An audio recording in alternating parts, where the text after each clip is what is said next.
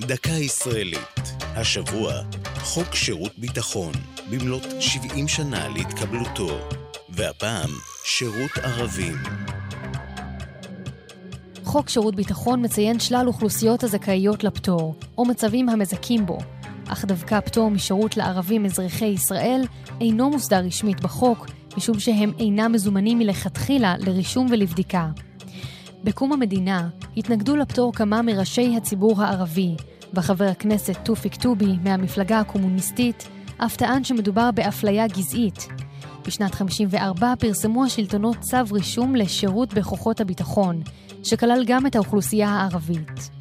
הצו התקבל אז בהתלהבות מסוימת מצד צעירים ערבים שהתייצבו בלשכות הגיוס, אלא שלאחר הרישום לא גויסו הצעירים, ובחלוף השנים התקבע אי שירותם של מרבית דוברי הערבית.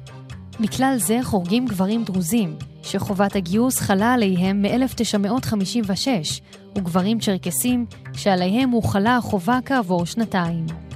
עם זאת, יש צעירים מקבוצות דוברות ערבית אחרות, בדואים, ערבים נוצרים ואף מוסלמים, הבוחרים להתנדב לשירות בצה"ל. מספרם של אלה עומד על מאות אחדות בשנה, ובשנים האחרונות ניכרת עלייה בשיעור גיוסם.